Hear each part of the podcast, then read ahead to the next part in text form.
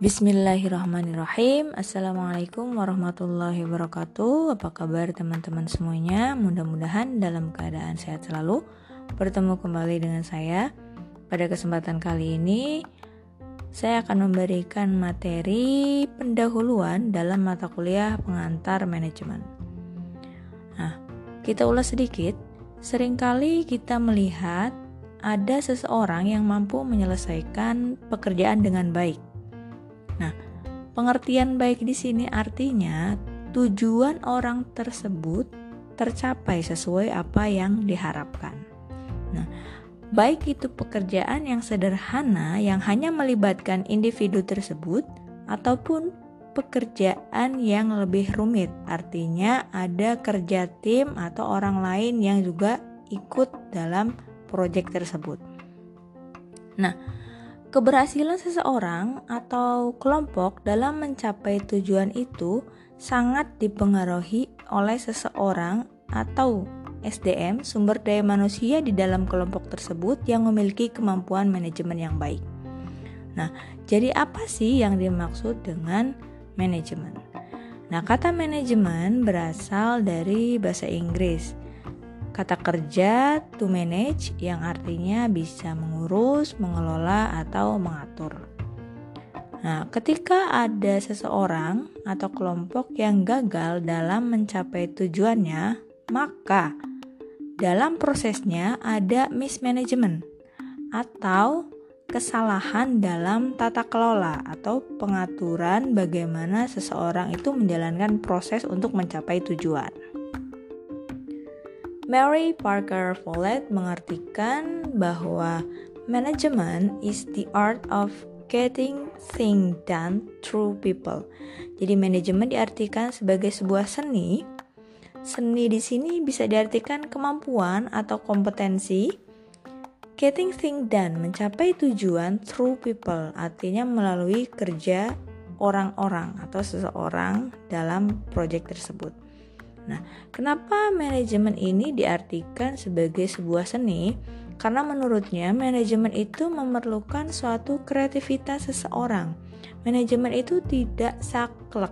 Jadi ada proses unik yang memang muncul dari ide-ide brilian kreativitas seseorang yang juga tidak dimiliki oleh orang lain. Terry GR mengartikan manajemen secara lebih spesifik dengan menyebutkan langkah-langkah yang harus dilakukan dalam mencapai tujuan.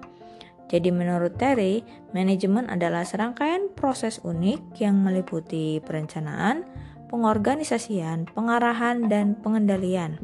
Yang mana proses tersebut digunakan untuk menetapkan dan mencapai tujuan melalui pemanfaatan sumber daya yang dimiliki.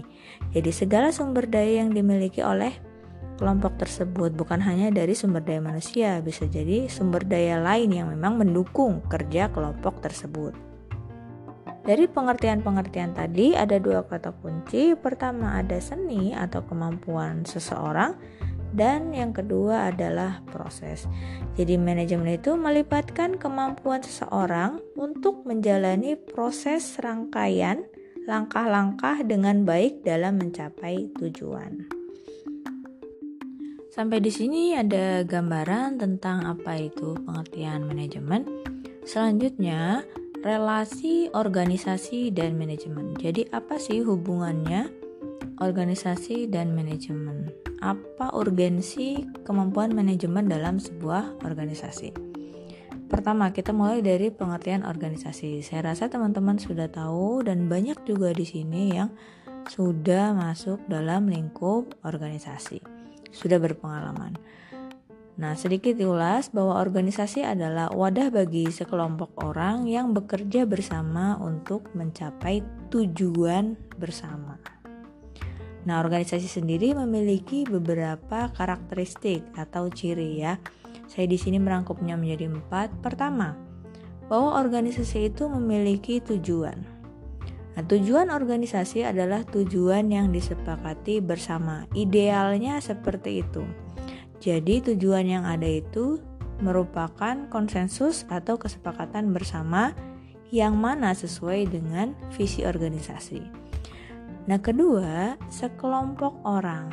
Jadi tidak mungkin ada organisasi yang hanya menganggotakan salah satu orang. Nah, tetapi harus memang kumpulan dari sekelompok orang yang mana memiliki kepentingan yang sama, memiliki visi yang sama. Ada tendensi atau intensi niatan untuk mencapai suatu tujuan tertentu. Ketiga, memiliki struktur. Nah, tentunya organisasi pasti memiliki struktur. Tidak mungkin organisasi itu misalnya ketuanya boleh siapa aja atau eh, wakil ketua, sekretarisnya boleh siapa aja. Nah, itu akan menimbulkan kekacauan dalam organisasi tersebut. Nah, untuk efektivitas, maka organisasi memiliki struktur organisasi sehingga ada rantai komando yang jelas gitu. Dan yang terakhir ada sistem dan prosedur. Nah, organisasi ini dijalankan berdasarkan aturan-aturan atau standar yang telah disepakati bersama. Makanya kalau dalam organisasi itu ada yang disebut dengan ADART organisasi atau anggaran dasar sebuah organisasi. Nah, itu sebagai pendoman atau panduan bagaimana organisasi tersebut harus dijalankan. James F. Stoner mengemukakan bahwa terdapat setidaknya tiga alasan mengapa sebuah organisasi itu membutuhkan manajemen. Pertama, untuk mencapai tujuan. Nah, untuk mencapai tujuan diperlukan langkah-langkah. Ada langkah A, B, C. Nah, mencapai tujuan itu maka diperlukan sebuah manajemen. Bisa time management ataupun ilmu manajemen yang harus diterapkan. Kemudian yang kedua, untuk menjembatani berbagai kepentingan yang bertolak belakang. Yang namanya organisasi terdapat banyak orang, banyak kepala yang bisa jadi ada kepentingan yang saling bergesekan sehingga menimbulkan perbedaan pendapat yang dapat mengakibatkan terhambatnya pencapaian tujuan. Nah, di sini manajemen berperan bagaimana agar kepentingan tersebut dapat e, diharmonisasikan untuk mencapai tujuan. Dan yang ketiga ada mencapai efektivitas dan efisiensi. Bagaimana misalnya dalam sebuah perusahaan mencapai produksi yang maksimal dengan biaya sehemat mungkin. Nah, itu juga diperlukan sebuah manajemen yang baik. Sebelum melangkah lebih lanjut, jadi sebenarnya manajemen itu memiliki tiga dimensi. Pertama, manajemen itu bisa sebagai ilmu.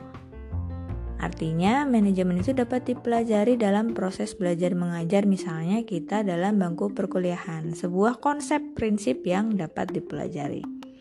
Yang kedua, manajemen itu sebagai seni ada seseorang yang memang memiliki karakteristik dia itu memiliki potensi untuk melakukan hal-hal dengan baik dan efisien gitu ya kreativitas seseorang nah ketiga ada manajemen sebagai profesi artinya seseorang yang memiliki kemampuan manajemen itulah profesinya sebagai manajer gitu nah selanjutnya kita masuk kepada fungsi manajemen. Fungsi manajemen itu di dalamnya terdapat proses atau rangkaian dalam mencapai tujuan. Yang pertama ada perencanaan, kemudian pengorganisasian, pengarahan, dan pengendalian. Ada juga eh, pakar lain yang menyebutkan lima dengan memisahkan antara pengendalian dan pengawasan.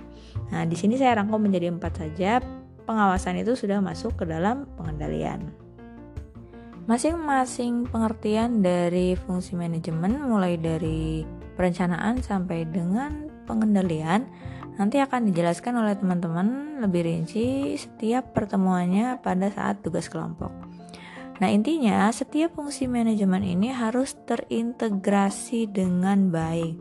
Setiap fungsinya harus dijalankan dengan manajemen yang tepat. Satu fungsi dengan manajemen yang kurang baik dengan kualitas yang kurang baik dapat mempengaruhi tidak tercapainya tujuan sesuai dengan apa yang diharapkan. Baik, langsung selanjutnya saya akan jelaskan tentang tingkatan manajemen. Ada tiga. Yang pertama ada top management.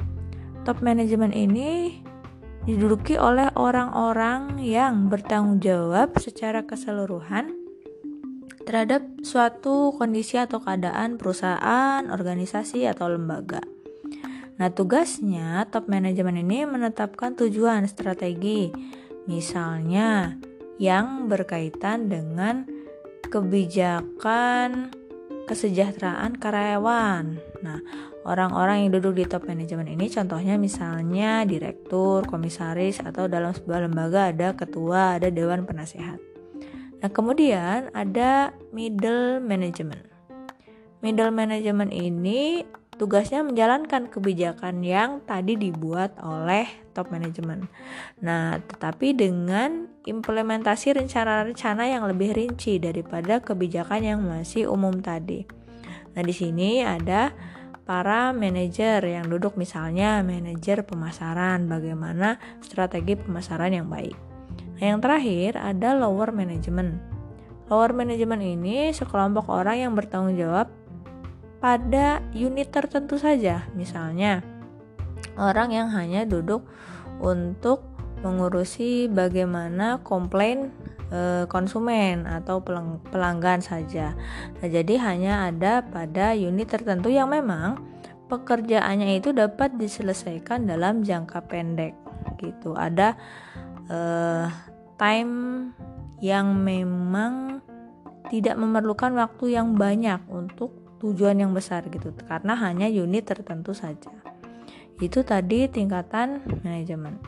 Nah selanjutnya ada keterampilan manajemen. Jadi manajemen itu di dalamnya ada keterampilan yang memang harus dikuasai. Adapun tergantung kepada siapa atau di mana kedudukan orang tersebut. Nah, ada conceptual skill, human skill, dan technical skill. Conceptual skill itu kemampuannya terintegrasi untuk berbagai tujuan dan permasalahan secara komprehensif. Jadi dia memang memiliki pengalaman yang banyak untuk menyelesaikan sebuah masalah. Jadi dia e, solutif. Nah, kemampuannya itu menjabarkan permasalahan. Nah, ditemukan dengan adanya hubungan sebab akibat atau hubungan dan efek yang ditimbulkan dari setiap masalah. Jadi memang orang yang berada di conceptual skill ini memiliki tanggung jawab yang lebih besar.